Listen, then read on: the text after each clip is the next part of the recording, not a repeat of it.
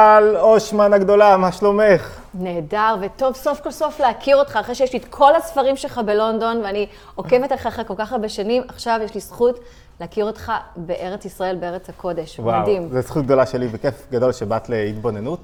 אה, טוב, יש כל כך הרבה דברים לספר עלייך, ואני רוצה לדייק, אני אגיד את הנושא שאני רוצה לדבר עליו, כי קראתי את הספר שלך המעולה, הוא לא פה? הנה הוא פה. אה, אוקיי. את הספר שלך המעולה, האומץ לפחד בדרך להצלחה. מי שלא מכיר, תכף נציג את מיכל באריכות, אה, אבל אה, הייתה בחירה בטיקטוק ובפייסבוק ועשתה המון דברים. אה, אבל כמה דברים תפסו אותי, ואחד הדברים שהכי תפסו אותי, אולי תסכימי לדבר עליו, אני, אני עושה כזה סוג של פרומו, ההבדל בין ערבת הנשמה להאזנת הנשמה. שתי תנועות נפשיות שבעצם יוצרות שינוי בכל מה שאדם עושה, באיך שהוא מתמודד, עם ילדים, עם עבודה, עם איך שהוא רואה את עצמו, מתי אתה מרהיב את הנשמה שלך ומתי אתה מאכיל אותה, והרבה פעמים זה הפוך לגמרי מאיך שאנחנו חושבים. מקובל עליך הנושא שבחרתי לפודקאסט? כן, אמרת את זה הרבה יותר יפה. איך שכתבתי את זה, אני חושבת. כן, לגמרי. טוב, אז רגע, אז לפני שניתן כמה טיפים לאיך מאכילים את הנשמה ותפיסת עולם, שזה הנושא של הפודקאסט, אם בחרתי, אה, אה, מיכל אושמן, נעים מאוד. אולי תספרי על עצמך כמה מילים. אמ, אני חושבת שכמו כולנו, יש את ה... מה, היה אומרת, מה הייתה אומרת הביוגרפיה שלך, נכון, אם היית מסתכל על הלינקדין שלי, בוא נתחיל מהלינקדין שלי. אם היית מסתכל על הלינקדין שלי, היית רואה שאני ישראלית, שעברה ללונדון לפני 20 שנים, שיש לי שלושה תארים אה, אקדמיים בנושא של אה, פסיכולוגיה וסוציולוגיה, אה, דינמיקה של קבוצות. היית רואה ששירתתי בצבא שלוש שנים כקצינה, שהייתי מאוד בכירה בטיקטוק, כראש תחום תרבות ארגונית בטיקטוק, יעצתי למנכ"ל טיקטוק בנושא תרבות, ולפני זה הייתי שבע שנים אה, בפייסבוק, אז מבחוץ זה היה נראה, ואני מתחברת לנושא של ההרעבה, מבחוץ הייתי נראית מלאה ומצליחה, שזו מילה שיש לי חצי אלרגיה אליה, אז זה החיצוני. אבל אם היית מסתכל אה, לתוכי פנימה, שזה מה שעשיתי בכתיבת הספר, שיתפתי את העולם הפנימי שלי, רוב חיי, עד לפני עשר שנים, עד גיל 38, היה פער מאוד גדול בין החיצוני לפנימי. מבפנים הייתי מיכל היס אושמן, ילדה שנחשפה לדברים מאוד קשים מגיל מאוד צעיר, ילדה מפוחדת, ילדה חרדתית, ילדה שרוצה לספק את כולם, מנסה להיות מושלמת, מחשבות לא פשוטות בראש, ומתח תמידי של שנים על גבי שנים בין איך נתפסתי מבחוץ לבין איך הרגשתי מבפנים. מדהים. זה, אני, אני חושב, רגע, אני אגיד לך את האמת, זה מרגיש לי שאת מספרת סיפור מיוחד שהוא שלך, באופי שלך, בהיבט שלך, אבל זה הסיפור של הטבע האנושי, של האדם, שיש חיצוניות ויש פנימיות ויש הבנה של איך ש... כאילו ככה זה מרגיש לי. ואני שומע את הסיפור הזה הרבה, אמ, והשאלה היא, איך אני לא מבדיל בין פנימיות לחיצוניות. זאת אומרת, לא איך אני לומד פתאום רגע על הנפש שלי ומתעסק רק בזה, אלא איך אני לומד בלימוד הפנימי שלי כדי להזין את החיצוניות. כדי להיות טוב יותר בטיקטוק, בפייסבוק, במה שאני עושה, בענייני העולם הזה, בהצלחה יותר.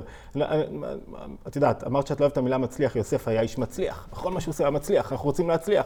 אני רק לא רוצה להצליח שבור, קרוע, עם חרדות, עם עצבות, עם כעסים, עם, עם כל הדברים הללו. כן. אני השתמשתי במילה הצלחה בספר, זה האומץ לפחד. הספר מדהים, אני קראתי אותו, תודה. קראתי אותו באנגלית ובעברית. לא, באנגלית, זה... באנגלית קראתי אותו כזה בנשימה ככה, ב... עברתי, ובאנגלית כן. ובעברית ממש התענגתי עליו, ותרגום כן. טוב, ועושה את העבודה תודה. כמו שצריך. ו... קרא, הספר באנגלית נקרא What would you do if you weren't afraid, mm-hmm. שבעצם זה מנטרה של להבין שכולנו מפחדים, או נת, נתפחד בשלב מסוים בחיים, ואיך אפשר להתגבר ולעבוד עם הפחד. לא לנתק אותו לחלוטין, mm-hmm. אני לא מנסה לספר סיפורים שאפשר להיות מאישה חרדתית בלי שום חרדות, אבל הכותרת של הספר, האומץ לפחד בדרך להצלחה, כשאני משתמשת היום במושג הצלחה, זה לא להיות הישראלית הכי בכירה בטיקטוק. את זה אני יכולה גם לעשות כשאני מרגישה כאב מבפנים. Mm-hmm. הצלחה זה ההצליחה הפנימית הזאת, להצליח להתגבר על עצמי מבפנים ולא לכתוב אחר כך פוסט, mm-hmm. או לא לפרסם את זה על במה. זה הצלחה הפנימית שאני מתגברת על הפחדים, מתגברת על יצר שמאוד מעכב אותי בחיים. הגבורה הפנימית הזאת היא מבחינתי היום הצלחה. לקחו הרבה שנים, א', בכלל לגלות את המושגים האלה, ואמרתי לך שאני נחשפתי לעולם הזה, אה, התחלתי ללמוד את ספר נתניה, קראתי את הספרים שלך, את הספרים של סימן ג'ייקובסון, והתחלתי לגלות שקודם כל יש לי נשמה. אני חשבתי שכל מה שיש זה מה שרואים מבחוץ. אני, אני שמעתי אותך אומרת, אני, אני חושב בפודקאסט אצל איתן עזריה, שהוא חבר קרוב, אם אני לא טועה, שאמרת שאחד הדברים שעיממו אותך, כשאת זוכרת, לפעמים יש לנו זיכרון היסטורי, זוכרת שיחה עם אביך, ושאלת אותו, אבא, מה קורה אחרי שמסתלקים מן העולם? אז הוא אמר לך, כלום. נכון. כאילו, תפיסה מאוד ביביריסטית, מאוד כן. חילונית, מאוד מנתק נשמה לגוף. אה, וזה לא איזה אבא שלא יודע משהו על מוות, כי אבא שלי ניהל את המכון לרפואה משפטית באבו כרביר הרבה מאוד שנים, וניתח אה, עשרות אלפי גופות, והוא יודע, הוא, הוא, הוא יודע מה זה מוות, ונחשפתי למוות דרכו. ואני זוכרת שיום אחד שאלתי אותו, האם יכול להיות שבגוף הגדול יש גוף יותר קטן, mm. שבו נמצא כל הרגש והאהבה. אני זוכרת שאמרתי, הכבוד שיש לי זה סבא וסבתא. והאם יכול להיות שכשהגוף הגדול נקבר, הגוף הקטן ממשיך? והוא רופא, mm-hmm. אה, אתה יודע, מומחה, פרופסור. אה, הוא אמר לי, לא. ואני ממש נכנסתי לדכדוך אז, כי הרגשתי, לא היה לי את האוצר מילים, mm-hmm. לא הייתה לי את מי לדבר על זה, אבל הרגשתי מבפנים שיש משהו שהוא מעבר לגוף שאפשר לראות. מדהים, מדהים. אני, אני אגיד לך מה, מה את מתארת לי ככה בעיניי, שיש מצב שבו יש לנו גוף שהוא אמור להיות מוזן על ידי הנשמה, ויש מצב, ככה יצאתי מהקריאה בספר, שהגוף מורעב בעצם. ש, סליחה, שהגוף מרעיב את הנשמה, mm. שהגוף, אתה מזין אותו, mm-hmm. ולא משנה אם זה פעילות פיזית, הצלחות, עשייה, אה, ספורט, אבל אתה מרעיב בעצם את הנשמה, ויש מצב הפוך, שבו אתה מזין את הנשמה, אולי הוא לא בדיוק הפוך, כי כשאתה מזין את הנשמה, בסופו של דבר גם הגוף פועל טוב יותר. Mm-hmm. ואני חושב שזה עבר כחוט השני לאורך כל הקריאה, כאילו, אני מחפש תמיד את, ה, את הנרטיב מאחורי הדברים, כי, כי אני מכיר את הטניה, אבל חיפשתי רגע, מה, מה תפס אותה? מה, מה זה הנשמה הזאת? וזה משהו אמורפי כזה, משהו כללי כזה. אז איך? אז בואי ניכנס עכשיו. ניכנס לעומק. אז אני אחבר גם מה שדיברת עליו. תרגישי חופשי עם הכל. קודם כל, אני אוהבת מאוד תכלס. נכון, לפעמים כשאני מרצה בעולם, אז שואלים אותי, מה, את עושה מדיטציה? את הולכת להרים? לא. לא.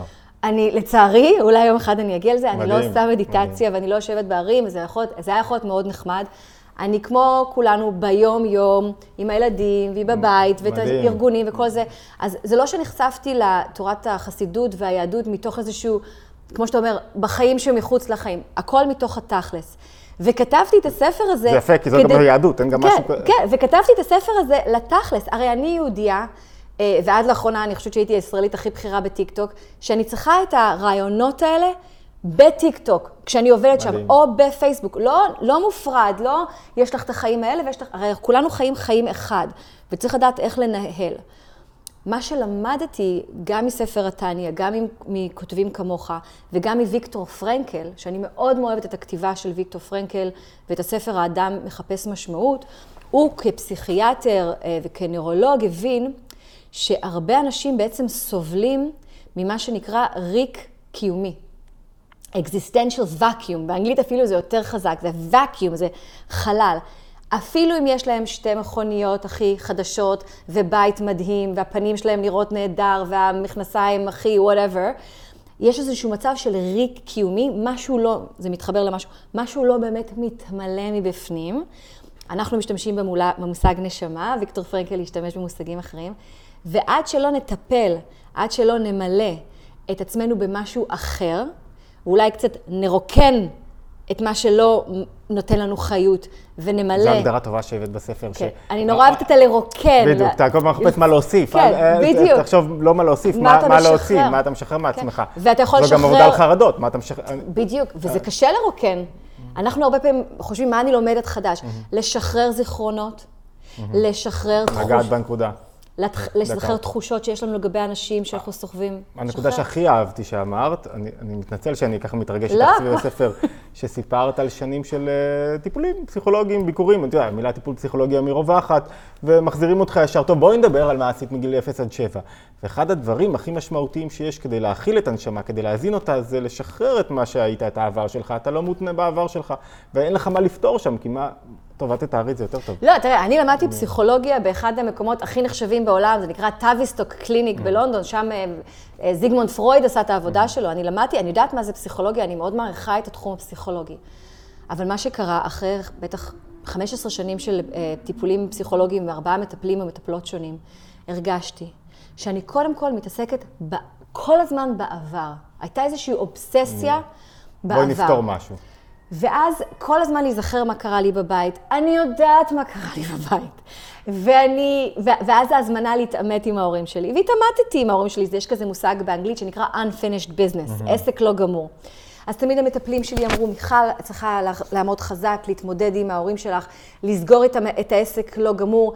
אני מתנצלת, פגשתי היום את אימא שלך, שהייתה זכות, כמה אתה מדבר עליה בכבוד. אני לפעמים לא דיברתי בכבוד להורים שלי בתהליך הזה, כי רציתי... רציתי לכעוס, רציתי להיפטר ממשהו. ו- כבוד בשביל הילד, לא בשביל ההורה, כי אתה כן. משחרר בעצם. אתה יודע, אתה יודע, זה סמטוחה אחת גדולה, כל מה שקשור לאיך שגודלנו וההתמודדויות בגיל יותר מאוחר. אבל ההורים שלי עשו איתי שיחות הכי משמעותיות, וכל הורה יש לו את הכוונות הטובות, ולא תמיד זה מסתדר. ואמרתי לפסיכולוגים שלי, די, אני יודעת מה קרה. ולפעמים אני מתארת את זה, ואני חושבת שגם בספר תיארתי את זה, שגם כשהרגשתי שפצעים מסוימים התחילו להגליד, הרגשתי שאפילו המטפלים שלי קצת היו מתוסכלים. כן. והם רצו, הם רצו שוב נפלא, לחפור. נפלא, ויום נפלא. אחד אמרתי, enough, enough. I'm not going to get my answers in the therapy room. אז למדתי על עצמי, אבל בשלב מסוים, זה היה לזה maximizing של הלמידה, והרגשתי שאני את התשובות שלי אמצא במקום אחר. את יודעת, אני חושב שיש משהו, אנחנו סוטים רגע, אבל, אבל כהערת אגב, יש משהו במבנה הטיפולי המודרני שהוא לא, שהוא לא נכון כדי להשיג טיפול רגשי. הרבה פעמים אני לא מדבר על מצבים קליניים קיצוניים, אני מדבר על אנשים שעובדים ויש להם, מפריע לי החרדה, מפריע לי הדיכאון הקל, מפריע כן. לי העצבות. אני לא מדבר עכשיו על מצבים אה, קשים. אה, שההפרדה ביניהם היא, היא, היא לא אמיתית, כי אתה מזניח את עצמך, אתה יכול להגיע למצב קשה. אני מדבר על האדם הממוצע בדרך כלל. יש משהו שבמבנה הטיפולי אתה מושיב מישהו, את משלמת לי, לא יודע כמה זה בלונדון. לא מעט. בישראל אתה משלם 400-500 שקלים למישהו. עכשיו הוא צריך לשמוע אותך, הוא צריך לשבת איתך, כאילו כל המבנה התרפויטי הזה, הוא, הוא וכל מה שאני רוצה זה לסחוב אותך החוצה, קדימה, ת, ת, ת, תאזיני את הנשמה, תצאי מהמקום הזה שבו את עוסקת רק בעצמך ומדברת על עצמך ומה היה לך ואיך אימא שלך, ו- ואת מחזירה את עצמך למרכז, כי אני רק מדבר עכשיו במשך שעה שלמה על עצמי. אז אני יוצא מהטיפול עוד יותר על עצמי. עצמי. אני חושבת שגם, שזה גם, בנוסף לכך, שבעצם אין מקום בטיפול פסיכואנליטי פרוידיאני קלאסי, אין מקום לנשמה. אין, אין בכלל דבר כזה נשמה. ואני זוכרת שהטיפול האחרון שלי היה אחרי שביקרתי בירושלים, והלכתי לכותל ובאתי למטפל, ואמרתי לו, הייתי בירושלים והרגשתי משהו. ואני לא יכולה להסביר את זה. והוא אמר לי, מיכל, את נמנעת מהבעיות האמיתיות, את כאילו את בורחת. ולא הייתי באיזה אמונה, או לא הייתי באיזה רוחניות, ובחד משמעית לא נחשפתי אז לחסידות ולתורת התניא. אבל זה נורא עצבן אותי. אתה יודע, זה גם די בריא לפעמים להתעצבן על מטפל. למה אתה אומר, למה, למה אתה אומר שזה בריחה? אולי זה הדבר עצמו. ו, ואני מאוד אוהבת, וכאן ישראל, פשוט זו בא לי... שאלה לייצ- שתמיד- אני רוצה לייצא את ישראל לכל העולם.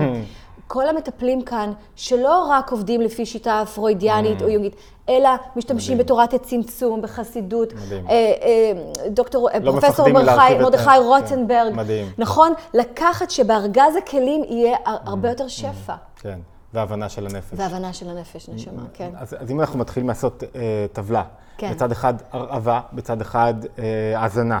כן. אז בצד של הערבה ציינת אה, להזין את עצמי במחשבות אודות העבר, נכון? וציינו עיסוק בעצמי. וציינו, מה עוד, מה עוד שמת בצד של הערבה? אני חושבת שאני זיהיתי אה, עוד- כמעט אה, אובססיה על עצמי. אה, אה, בשלב, לא כתבתי את זה בספר, אבל בשלב מסוים שהייתי כל כך אבודה וכל כך מפוחדת, נהייתי אפילו אובססיבית לגבי טיפולי יופי. כי רציתי לעצור את הזמן, רציתי לשלוט. המחשבה שאני יכולה לשלוט בתור אימא, בת זוג, בתור אימא שהילדים שלי יגדלו בדיוק איך שאני רוצה, ושהבן זוג שלי יאהב אותי ותמיד יהיה איתי כמו שאני רוצה.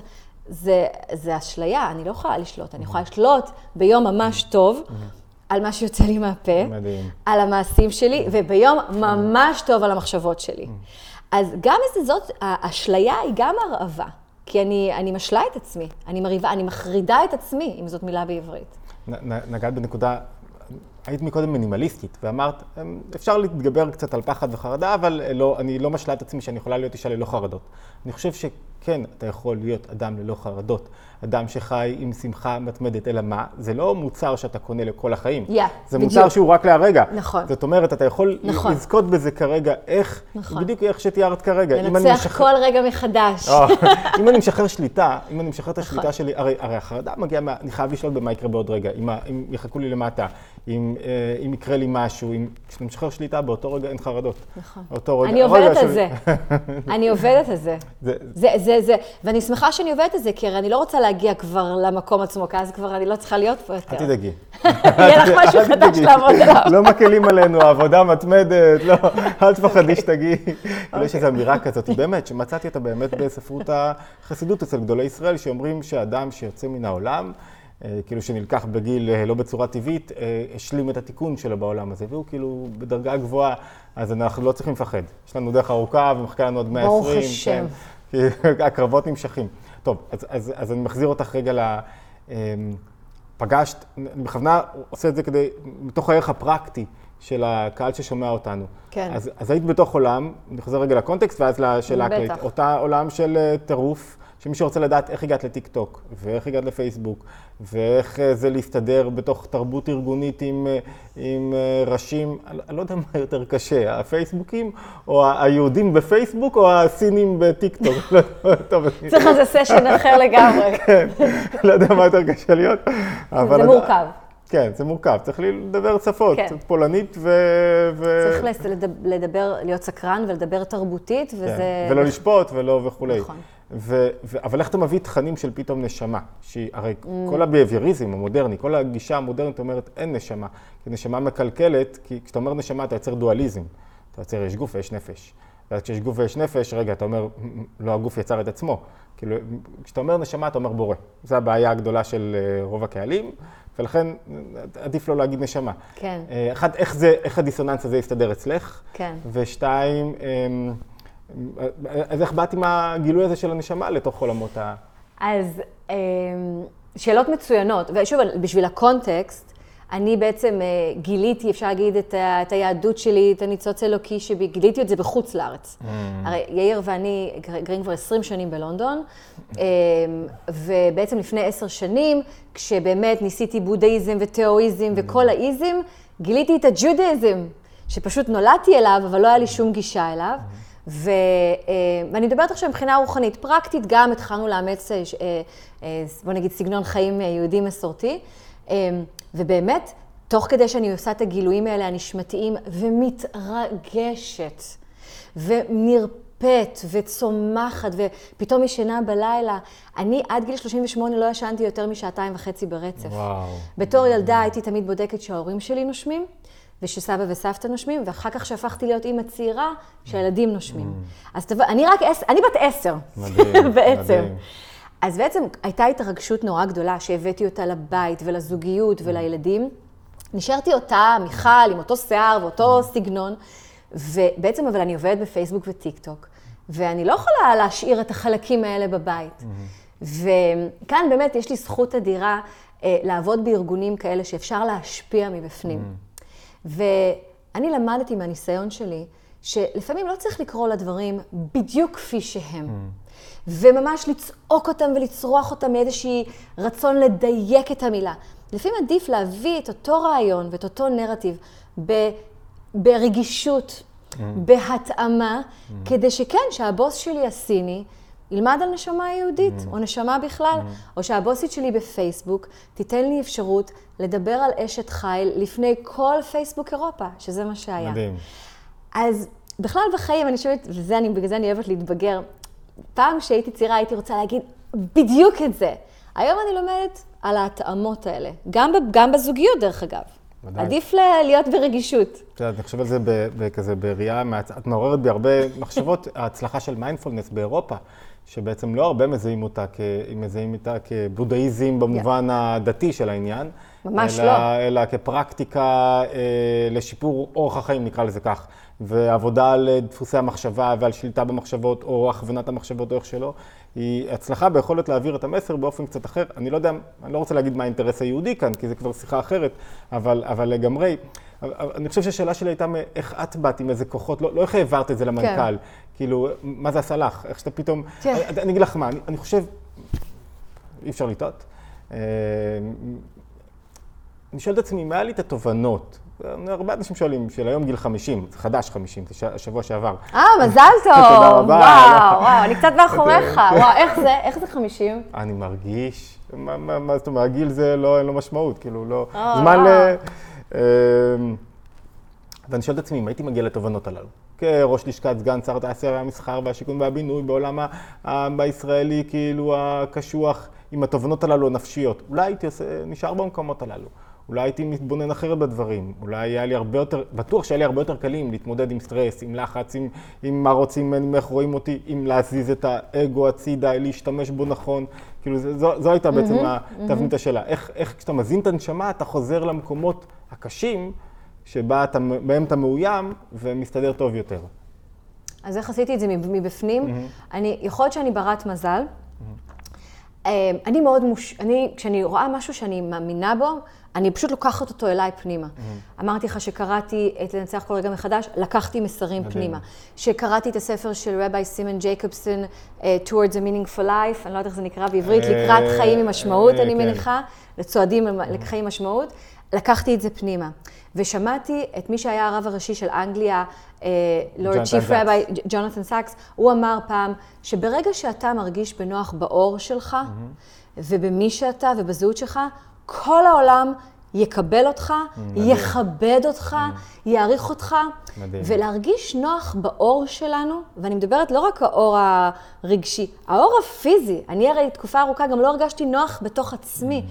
ברגע שהתחלתי עם הגילויים האלה של החסידות להרגיש נוח בעצמי, אין מנכ"ל ואין ראש תחום בפייסבוק, there was no one to stop me. זה היה מין אור כזה של התלהבות. ותראה, בתניא הרי יש רעיונות על מנהיגות, יש רעיונות על ניהול, כמו שאתה אומר, על לעבוד על האגו, על to let go, לשחרר, מה העולם הזה צריך? מנהיגות, לשחרר, uh, charity, be kind. ומאוד מעניין אותי, וגם מעניין אותי אולי גם אחרי שנקליט, לחשוב איך אפשר להביא את הרעיונות האלה לחוץ לארץ בצורה אפקטיבית. לא צריך לקרוא להם בדיוק משהו שקשה לעיכול. כמו שאמרת, איך הבודהיזם פרץ לאירופה, לא בתור איזשהו דת, אלא בתור mindfulness. Mm-hmm. וזה מה שאני חושבת שהיה לי מאוד פשוט. אחד הרגעים הכי משמעותיים שהיו לי בעבודה שלי בפייסבוק, והיה מאוד קשה להתקבל לעבוד בפייסבוק לפני עשר שנים, זה שהגיע... בשיא זה היה בטירוף של פייסבוק. סליחה. זאת אומרת, אני חושבת, ש... אני חושבת שזה היה איזה שנה אחרי שהם הנפיקו, mm-hmm. ואני זוכרת שהיו איזה אלף מועמדים, כי אני הגשתי מועמדות בלינקדין, ויכולתי לראות, היה 900 mm-hmm. משהו, וזה מועמדים. Mm-hmm. ושוב, מיכל, מי את שתגישי מועמדות, אבל לפעמים אתה אומר, יאללה, נלך על זה. ואז רעיונות של, לא יודעת מה, אולי כמעט שנה, התקבלתי לעבודה. ואז הגיע הבוס הבכיר שלי מדבלין לפגוש אותי ביום הראשון, ואני חשבתי, זהו, הוא נותן לי עכשיו הוראות, אני בכירה בפייסבוק, כאילו, זהו, צריך להתחיל לדלבר. והוא היה בן אדם מדהים, מלאך, והוא אמר לי, אה, מיכל, אה, what do you care about? מה חשוב לך? אין, אני לא יודעת מה זה care בדיוק, מה אכפת לך? מה חשוב לך בחיים? וכל כך הופתעתי, כאילו, שבוס כזה, זה, שואל אותי, מה חשוב לי? What do I care about? ובלי לחשוב, אמרתי לו, I care about being Jewish, and Israeli, yeah. and a mom. לפעמים בחיים עדיף דווקא לא לחשוב על התשובות שלך, אלא לענות מהנשמה, מהלב. וזהו, בעצם הכרזתי לפייסבוק באותו יום, אתם גייסתם לתפקיד מאוד בכיר, ישראלית, אימא ויהודייה. עכשיו בואו נתחיל לעבוד על זה ביחד. ואני זוכר שהוא שאל אותך משהו על, על אה, מה זה יהודייה, אמרת לו שבת, נכון? משהו בסגנון. אז הוא אמר לי, מה זה אומר יהודייה? כי אני לא יודע מה זה. נכון, הוא אתאי, הוא כזה מאוד מאוד גאה באתאיזם שלו. הוא אמר לי, what does Judaism mean? I don't know anything about Judaism. אז אמרתי לו, it's going to take longer time כאילו to explain, אבל הייתי נורא במתח על השבת. ואמרתי לו, there's one thing, יש דבר אחד שהוא ממש ממש חשוב לי, that I really care about. וממש, אתה מכיר את זה שאתה ממש כזה רועד, אתה מזיע, כי פחדתי שהוא יגיד לי, לא. לא, מה זאת אומרת לא לעבוד ביום שישי? הרי שבת באנגליה בחורף נכנסת בשלוש וחצי. זאת אומרת שאני כבר צריכה באחד ומשהו, ומתחילים לעבוד שם מאוד מאוחר.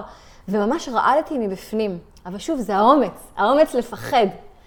אז היה לי את האומץ לפחד, אני לא יודעת איך הוא יגיב, אה, ואמרתי לו, יש דבר כזה שנקרא שבת, אבות אבותיי עושים את זה כבר אלפי שנים. מדהים. יכול שישמע לך מוזר, אבל יש מנהג שסבתי הייתה עושה, וסבתה, ו... ותיארתי לו את הדלקת נרות, ואמרתי לו, וזה גם לא תמיד באותה שעה. וכל יום שישי, בחמש שנים שהוא היה, המלאך הזה היה המנהל שלי, הוא היה כותב לי באנגלית, שבת שלום, תרדי מהלפטופ מיד. מלאך. יודעת, אני, אני רוצה רגע לחבר את זה להאזנה של הנשמה, שכל פעם שמישהו מגלה עמוד שדרה וחיבור פנימי, אמרת את זה קודם, אז כולם סביבו, וואו, מתגלה פה משהו אחר. מתגלה פה לא חיצוניות, לא אינטרסים, לא רק מה שאתה רוצה, מתגלה פה עצמיות. כל פעם שמישהו מוותר, סיפרת סיפור, אני לא רוצה לחזור עליו, אה, אולי תרצי מקודם על שוויתרת על משהו גדול בשביל שבת. וכשאתה מוותר על משהו פתאום, אז מתגלה נקודת מסירות הנפש.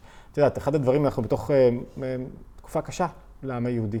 מלחמה, כל יום נופלים חיילים, זה, זה אחד הדברים הכי חזקים שלדעתי החיילים מלמדים אותנו, שהם מקריבים את עצמם, את החיים כן. שלהם, מוסרים את הנפש שלהם על עניין. וכשמישהו מוסר נפש, הוא אומר, רגע, יש לי מלא רצונות, ואני רוצה להצליח ורוצה, אבל אני מוכן למסור את הנפש שלי על זה. אפשר לתפוס את זה כמעט. אצילות זה מסירות נפש. אבל אנחנו לא צריכים למסור את הנפש שלנו במובן של חיים, אלא מינימום זה למסור את הרגע, מה הערכים שחשוב, מה, מה, כשמישהו מוסר נפש, הוא מזין את הנשמה שלו. פתאום הנשמה אומרת, לא הגוף גובר, לא האינטרסים, לא הכסף, לא הרכב שלך, לא הקידום שלך, לא, לא זה שאתה מרצה אחרים, אלא הנשמה שלך גוברת. ואז היא מתגלה, מהירה יותר. זה אז, עבודה? אני הסברתי. בטח שזה עבודה, כי העולם, הגוף מושך. אני כותבת בספר קצת על כעס. כעס, אה, אני זוכרת שאחד הרבנים הראשונים של חב"ד שפגשתי, היה לנו שיחה על כעס, לא שאני איזה כועסת גדולה, אבל אני לא אוהבת שאני כועסת על הילדים, אני לא אוהבת שפתאום יש את ה... חרדה וכעס לא תמיד הולך ביחד, זהו. זה זה כזה, לא, לא, אין לי תחושת כעס חזקה, אני גם בן אדם מאוד לא נותר טינה, אתה יודע, כל אחד מקבל את הגשפט שלו, את העבודה שלו. אבל נורא עניין אותי הנושא הזה של הכעס, ולמדתי שאסור לכעוס בשבת. שוואלה, כאילו, אסור לכעוס בכלל, אבל בשבת אפילו לא לתת איזה... והתחלתי לעבוד על עצמי בשבת, כאילו, לא לעבוד, אבל mm. להשתדל. אמ, ו- ופתאום גיליתי באמת, ואני חושבת שאתה מדבר על, ה- על העמוד שדרה הזה, ברגע שאת מוצאת מה משמעותי לך, ואני מאוד אוהבת את המילה משמעות, אני מאוד אוהבת את המילה משמעות תמיד, גם בהקשר הרוחני, גם בהקשר של מה שאנחנו עובדים עכשיו, עוברים עכשיו בישראל. משמעות נותנת הרבה כוח, משמעות מסיתה פחד. כמה שיותר אני חושבת מכניסים משמעות, וכל אחד יש לו את המשמעות שלו, וכמובן עבודת השם זה המשמעות הגדולה, אז אפשר להיפטר, להיפרד מה, מהפחד. כמה שאת יותר מוצאת מה שמשמעותי עבורך, כמה שאת יותר מוצאת את העמוד שדרה שלך, כן, זה יכול להיות יותר קשה, אה, וכמה שאת יותר גמישה ורגישה, את כאילו גם צריכה פחות. לא שאני לא אוהבת לקנות פה ולפרגן לי פה וזה, אני, את ההנאות החיים האלה הן כיפיות. ברור. אבל, אבל הם חלק מה... אבל הם חלק, ו- you elevate them. אתה משתמש בהם כאילו כדי לשדרג את החוויית היום-יום. אמ, וזה, שוב, זה גילויים חדשים. אני, אני, אני רציתי להגיד איזה משהו, אני מקווה שלא תכעסי עליי, שאני הורס. אמ, היום אני לא כל כך אוהב את המילה משמעות. למה? פעם חשבתי שהיא מיוחדת. כן, ראיתי שכזה הגבת לזה ש... והיום, למה משמעותי לא מיוחדת? כי אתה רואה, ואני רואה לא מעט, עשרות, לא מאות ואלפים, בחורים צעירים וגם מבוגרים שעוצרים, ושההבנה לא נכונה של ויקטור פרנקל, אתה יודע, זה ספר, mm. המון ספרים מורכבים, שאתה בקלות יכול לתלוש לעצמך איזה משפט, רעיון, ולחיות איתו ולוותר על התמונה, והוא בכוונה, אני חושב, הכתיבה שלו היא מאוד... אה, היא, היא לא מדויקת, היא לא חדה. למה היא לא חדה? כי הוא משאיר את זה הרבה פעמים בפרשנות. ועסוקים עכשיו, מקודם היו עסוקים באגו שלהם בלעשות כסף. פעם העולם הישן היה עסוק בלעשות כסף, היום העולם החדש, מה גורם לי שוב להיות במרכז? מה המשמעות החיים שלי? האם אני מממש את המשמעות שלי? האם זה משמעותי עבורי מספיק? הבנתי. אני עושה משהו משמעותי? לא. ופגשתי רצף. בחור, מה זה, לא יודע אם את יודעת בישראל, אין רצפים יהודים, לא היו לפחות. מה זה רצף? רצף זה לשים, כאילו איזה אימא יהודייה רוצה שהבן שלה יהיה רצף. עכשיו רצף מרוויח הרבה פעמים יותר מאנשי הייטק, כן? והעבודה שלו יותר קלה, שמונה שעות, לא לוקח הביתה. והרצף אמר, אני רציתי לעשות משהו, לא עניין אותי משמעותי, משהו שאני חש שאני מחובר, כאילו שיש לי בו שליחות, צריכים רצפים היום, אני הולך להיות רצף. זאת אומרת, הרבה פעמים אנשים עם משמעות אומר, מה, זה משמעותי עבורי להיות רצף עכשיו, ואז הוא לא ייקח. אני מבינה את הפרשנות שלך. ולכן היא הפכה להיות יותר איזה איזם שמציב את עצמך במרכז, בטח בפרשנות, ושמים את פרנקל במרכז, כאילו אומרים, אה, פרנקל אמר משמעותי. מנכסים את זה, הבנתי. אתה רואה שאנשים עד גיל 30 לא זזים, תקועים בתוך עצמם ולא זזים לשום מקום. ולכן אני חושב שהמילה ש... המילה עצמה. המושג, מילה זה ביטוי של מושג. כן. אמ, שליחות, היא כאילו, לא מה שליחות, שליח של מה אתה. כאילו, לא אתה יותר מתחבר למילה שליחות. כן, מי, מי אתה, מה, מה צריכים ממני כאן עכשיו? מה צריכים ממני עכשיו? שמה, מה צריכים שאני אעשה פה עכשיו? עכשיו צריכים שאני אהיה מנכ"ל אה, חברה, אני מנכ"ל, צריך שאני ארצף, אני ארצף. צריכים שאני אהיה נחמד, צריך שאני אעלה תוכן לקונטנט, זה מה שאני אעשה, אני שואל את עצמי. Mm. ואז אני, אני כל כך יודע שהנשמה שלי יש לה שליחות בעולם, לא סתם בראתי, לא ברור אותי, אני, כאילו, וכשהנשמה שואלת מה השליחות שלה בעולם, היא כאילו כבר רוצה לרדת למטה. כשהיא חושבת מה המשמעות, אולי אני לא ארד למטה, אולי אני לא אעשה, אולי היום, עזוב אותי, נשאר במיטה, זו המשמעות יותר גבוהה עבורי. כאילו, משמעות יש בה משהו מאוד אגוצנטרי. אני, מבינה, אני, צריכה לחשוב על החידוד הזה. המילה שליחות, קודם כל מבחינתי אני שומעת שליח, אז אני חושבת שליח חב"ד. זה הדבר, אתה לא, לא, האינסטינקט. למרות שהרעיונות כן, כן, אותם רעיונות. כל אדם הוא אז- שליח. אז, זה כל, אדם הוא שליח. אני חושבת שאולי כזה אדם מן השורה אומר, אני שליח? ודאי. מה יש לי, אה, מי אני? כאילו, אבל כשתיארת עכשיו את הרצף, הרגשתי משמעות, שליחות, נתינה, השקעה, חיבור, אפילו החשבתי את זה עם היד, כאילו, אני רוצה לבנות אה, בתים. אני- תגיד מה המשמעות, אז מה, זה זה מה שאני אעשה, כן. בונה בתים, זה מה שאני אעשה, כל אחד לחשוב יכול עליו. להגיד מה המשמעות. משהו לחשוב עליו. עכשיו אני צריך פה, משהו זה- זה לחשוב עליו. לקח לי זמן, אני צריך לח- לחזור אחורה לכמה ספרים שלי, לעשות שם כמה שינויים. לעשות highlight. כאילו, אז אז רגע, בואי נתחיל לסדר לנו את זה כדי לתפוס את ה... אמרנו לה- להאזין, אני בכוונה מכניס אותך לתוך סדר כדי לתת יותר ערך לשומעים שלנו. אמרנו להאזין את הנשמה, אמרת אה, אולי כמה כלים פרקטיים. כן. כאילו, מה היית, אם, אם את פוגשת עכשיו בחור צעיר, את הולכת לפגוש היום בחורים צעירים, חבר'ה ששואלים את עצמם, איך אני פורץ? אבל איך אני פורץ ועדיין שומר על עצמי בלי חרדות. כן. ובלי כעסים. אה, חמשת העצות הכי מעשיות שלך. אוקיי, אז זה כמה שאלות. זה בעצם אתה נוגע בכמה נקודות, ואני אוהבת מאוד תכלס, לכן גם בספר, אה, כל פרק מסתיים הרי בעמוד כזה של קואוצ'ינג אישי, של שאלות שאני צריכה לשאול את עצמי, כי אני מאוד אוהבת מה שאמר אה, אלברט איינשטיין, If you change nothing, nothing will change. אם דבר לא ישתנה, אם אתה לא תשנה דבר, בלי דבר תוכנית לא פעולה. ישתנה. בלי תוכנית, זה לשני שאנחנו נשב ונקווה להשתנות, זה לא יקרה.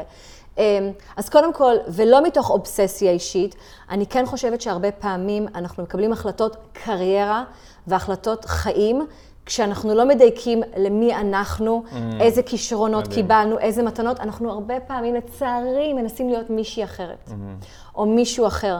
ואני כותבת בספר איך פעמיים בחיים כמעט קיבלתי החלטות מאוד לא נכונות, כי ניסיתי לרצות את ההורים, כי ניסיתי להיות כמו הבת של החברים הטובים, שהיא תמיד כזה נורא מרשימה את כולם. אין לי שום בעיה להגיד את זה, אני לא מתביישת. אגו זה הדבר הכי טבעי בעולם, היצר הרע הזה. אמ, אז קודם כל, לא, הדבר הראשון, לא לנסות להיות מישהי אחרת, או מישהו אחר. יש לך נשמה ייחודית. את בן אדם ייחודי עם כישרונות ייחודיים, עם לפעמים חששות ייחודיים. תהיי מדויקת לעצמך, לא לנסות להיות מישהי אחרת. א', מדהים. אוקיי? דבר שני, אה, להסתכל פנימה, אבל גם להסתכל החוצה. ואני נורא אוהבת את השאלה הזאת של, אה, אה, את, את המשל הזה, לא היה לנו זמן להיכנס, אבל כאילו, העולם, מצד אחד העולם נברא עבורי, אבל בשבילי מצד נברא שני, אנוכי עפר ואפר. ובעצם לשחק, אה, ב, ב, הרי אומרים שהמשל הזה עם השתי, שני פתקים, נכון? כל אדם צריך שיהיה לו שני פתקים. אחד, העולם נברא עבורי, והשני, אנוכי עפר ואפר. וכל סיטואציה בחיים מצריכה פתק אחר. היום יכול להיות שאני אעלה על הבמה הזאת שסיפרתי לך, יכול להיות שאני צריכה רגע אחד להוציא את הפתק הזה של העולם נברא עבורי. יפה. כן, זה הבמה שלי, ואני הולכת להשתדל, וזה בסדר, להיות קצת ב spotlight. אבל יש המון המון מצבים בחיים שאני עפר ואפר, לא עפר ואפר באמת, אלא עפר ואפר קדוש, שאני פה כדי לתמוך במישהו אחר, ברעיון אחר, בשליחות אחרת, במשימה אחרת. זה מין כלים כאלה שאנחנו יכולים עכשיו הרי לעשות רשימה של 20 כלים. היכולת בעצם לווסת את עצמך אה, ולהיות מאוד מודעת שלפי מחשבות מסוימות, זה לא באמת את, לא באמת מיכל. נטפל עלייך איזשהו משהו עכשיו, ואהבתי מאוד איך שאימא שלך אמרה היום ולימדה אותי, ולתת למחשבה לצאת מהמוח. פשוט לאפשר שחרור של המחשבה, של הזיכרון. אם זה לא תורם לי ככה להיות... התגברה על המחלה. שזה מדהים. אני מצטערת, אני מקווה שזה. בסדר שאני מציינת אותה, אבל כן, כשאני כן. יושבת איתך, אני גם חושבת על השיחה שהייתה לנו איתה מקודם. מדהים, זה מדהים. אה, את יודעת, אני חושב על זה שלהיות מסוגל להתגבר על המחשבות שלך, בעצם המחשבות הן ביטוי של העולם הרגשי שלך, מחייב אותך לאחת העצות של להזין את הנשמה זה ללמוד. זאת אומרת, את אומרת, הכי מעשי שיש, זה להפסיק להיות כזה מעשי. כאילו, זה קצת רגע להקדיש זמן שבו אתה לומד, שבו אתה חלום. מתפתח, זה לא בזבוז זמן, שבו אתה מקפיד על מה אתה אוכל ו- ואיפה אתה נמצא, ומה אתה מזין את עצמך, ואיך אתה, ומה האווירה שסביבך, ומה אם זו אווירה מלחמתית, או, נכון, זה כאילו, דרך אגב, במקומות הללו, אני, אני בא ממשרדים ממשלתיים, ושם אתה כאילו, מאבקי כוח לפעמים קשים. כן. איך, איך זה בחברות... אה, תראה, אני מתעסקת מאוד בנושא של תרבות ארגונית, Mm. והרבה פעמים אנשים אומרים, אה, אנחנו, אין לנו עדיין תרבות ארגונית. ברגע שיש שלושה, ארבעה, חמישה אנשים שעובדים ביחד סביב איזושהי משימה או שליחות מסוימת, כבר יש תרבות ארגונית. דרך אגב, יש גם תרבות משפחתית, נכון? מה זה תרבות? זה כללים של התנהגות, איך אנשים מתנהגים, מה מותר ומה אסור, מה לגיטימי ומה לא לגיטימי. אז אה, כמובן שלכל ארגון יש את הכללים. אה, באנגליה, קצת יותר מנומסים, אבל זה כזה, אגרס... לפעמים זה אגרסיביות שמכוסה, בק... לפעמים אני קצת פשוט מעדיפה שזה יהיה יותר אמיתי. אה, אבל עכשיו ספציפית, אנחנו בנושא של תרבות והתנהגות, אנחנו מתמודדים עם המפלצת הזאת של האנטישמיות שמבעבעת גם באירופה וגם בארצות הברית, והאמת היא שאחרי המאורעות הקשים שהעם שלנו עבר, מיד רציתי לחזור לארץ. אמרתי לי, יאיר, זהו, 20 מדהים. שנים. חוזרים. הילדים. אבל הילדים והכול. אבל אז חשבתי, מדהים. אבל מי ייצג את היהודי? אבל מה יהיה, יש תפקיד ליהודי בחוץ לארץ, ויש גם ניצוצות של קדושה בחוץ לארץ. אז שוב, שליחות, משמעות, תקרא לזה מה שצריך, זה דבר שהוא דינמי. החיים מתפתחים באופן שלפעמים אנחנו לא רוצים שהם יתפתחו באופן הזה. השאלה, איך אנחנו מגיבים להתפתחות הזאת, בין אם רצינו אותה או בין אם לא. ויש היום תפקיד מאוד גדול ליהודים וישראלים בחוץ לארץ להשפיע. את יודעת, זה מדהים, ב-1980 אמר רבי מלובביץ' שהתפקיד של יהודים, של השליחים שלו, שציינת, שליחי חב"ד, כלפי הלא יהודים, הוא לא פחות גדול מאשר כלפי יהודים. זאת אומרת, אין לי ספק שאתה שליחה בתחום ה- המרת אה, שפות. את עד עכשיו עסקת בהמרת שפות, ובתיאום ארגוני זה לדעת לדבר אותה שפה כולם יחד, למרות ההבדלים בינינו, אה, להביא את הרעיונות המאוד מרכזיים, המאוד חשובים. אז, אז רגע, אז אני רוצה אה, לסכם, להגיד, א', כיף גדול היה, קצר לי. מדי. תודה רבה. ו- ואני יודע שהזמן שלך צפוף, ויש לך כל כך הרבה דברים בארץ לעשות, וכל כך הרבה עניינים וכל כך הרבה קהלים, ואין ספק שייהנו ממך בארץ. זה מדהים שאת דוברת אנגלית ועברית, אה, שהתחלת דווקא עם האנגלית, לכבוש את העולם, ו- וזה מגיע לארץ. אז, אז קודם כל, הספר נמצא בכל חנויות הספרים, בהוצאת ידיעות ספרים, נכון? צריך להגיד. כן, בטח. ואת גם פעילה ברשתות? כן, או שרק... כן, ברור, יש לי אינסטגרם באנגלית. ובעברית, טיק טוק באנגלית ובעברית, הכול. אוקיי, תבואו, לעקוב, תבואו לעקוב. אה, הספר ממש שווה לקריאה, אני, בלעתי אותו בחצי שעה, גמרתי אותו באנגלית לקח לי יותר, בעברית בדקתי שזה תואם שלא ירד שום דבר, אבל תודה. אה, תענוג גדול, כיף גדול, כיף גדול שאת מוכנה תודה שאתה מורה שלי. לא, אני לא... תודה שלמדתי את התכנים, זה הכול. תקרא לעצמך שליח. אני לא מראה, מורה, מורה, כן. לא, אני לא יכולה, עזוב את ההגדרה. שצרחתי, אני אשתמש בשפה, אה, וסליחה שאני קוטעת אותך, תודה שהייתה לי את היכולת לצרוך את התכנים שלך, שהם בדיוק מה שהייתי צריכה. תכנים שלך, ספר התניא, רבי ג'ייקובסון, הרבה סופרים אחרים, כשלא ידעתי אפילו מה אני מחפשת. את יודעת, אני אגיד לך משהו, משהו כזה חזק. אחד הדברים שהמחשבה הכי כואבת לי, מעבר לכאב אה, הגשמי בחיים הללו, הכאב הרוחני הכי כואב לי זה שאני יודע כמה אה, אוצרות יש במאמרים העמוקים של ספרות הקבלה והחסידות. אני יודע, כי, כי זה מה שאני עושה, משתדל לעשות רוב היום. ואני יודע שעוד לא נגעתי בפרומיל, Yeah. ו- ואז אני מתבאס רגע שעוד לא הוצאתי עוד חומר לעולם, ואז אני חושב יותר לעומק, אני אומר, בואנה רגע, אתה מתרץ. כי אתה חושב על העולם בעצם, שאתה נותן לו העולם, מי ששומע אותך בפודקאסט, מי שקורא ספרים, בעצם אתה מאוד אגוצנטרי. אני, אני רוצה את התענוג הכי גבוה. בשבילך. בשבילי, כאילו, אז אם אנחנו מוסיפים עוד קומה, אחת מהדרכים ל, ל, להפוך את הנשמה למוזנת, זה לעורר בה תענוג. מדהים. תענוג מהחיים, תענוג בלימוד שלך, תענוג למרות, את יודעת, אמרתי את זה ב... החמאס ניסו לקחת לנו את התענוג מהתורה. זה לא קרה, מי שמאמין שכלום לא סתם, לא סתם קרה בשמחת תורה. והתפקיד זה להחזיר את התענוג, תענוג לכל מה שאנחנו עושים, תענוג ב, ב, בעצם החיים, בהוויה, תענוג זה הכוח הגבוה ביותר בנפש. אז מקסים. אה, טוב, אני, מקסים. אני, קודם כל היה כיף גדול, מדהים, אני סוגר את זה, ושתקנו את הספר, תעקבו אחרי אה, מיכל, מי שרוצה גם מוזמן להצטרף להתבוננות, ושנזכה להרבה שיתופי פעולה, ושאת תזכי באמת להפיץ את הרעיונות, התכנים, ללמוד יותר ככל שאתה לומד, מקבל ומשפיע החוצה לכל הקהלים, בכל השפות. אה, כיף גדול, תודה מיכל. תודה, תודה רבה רבה.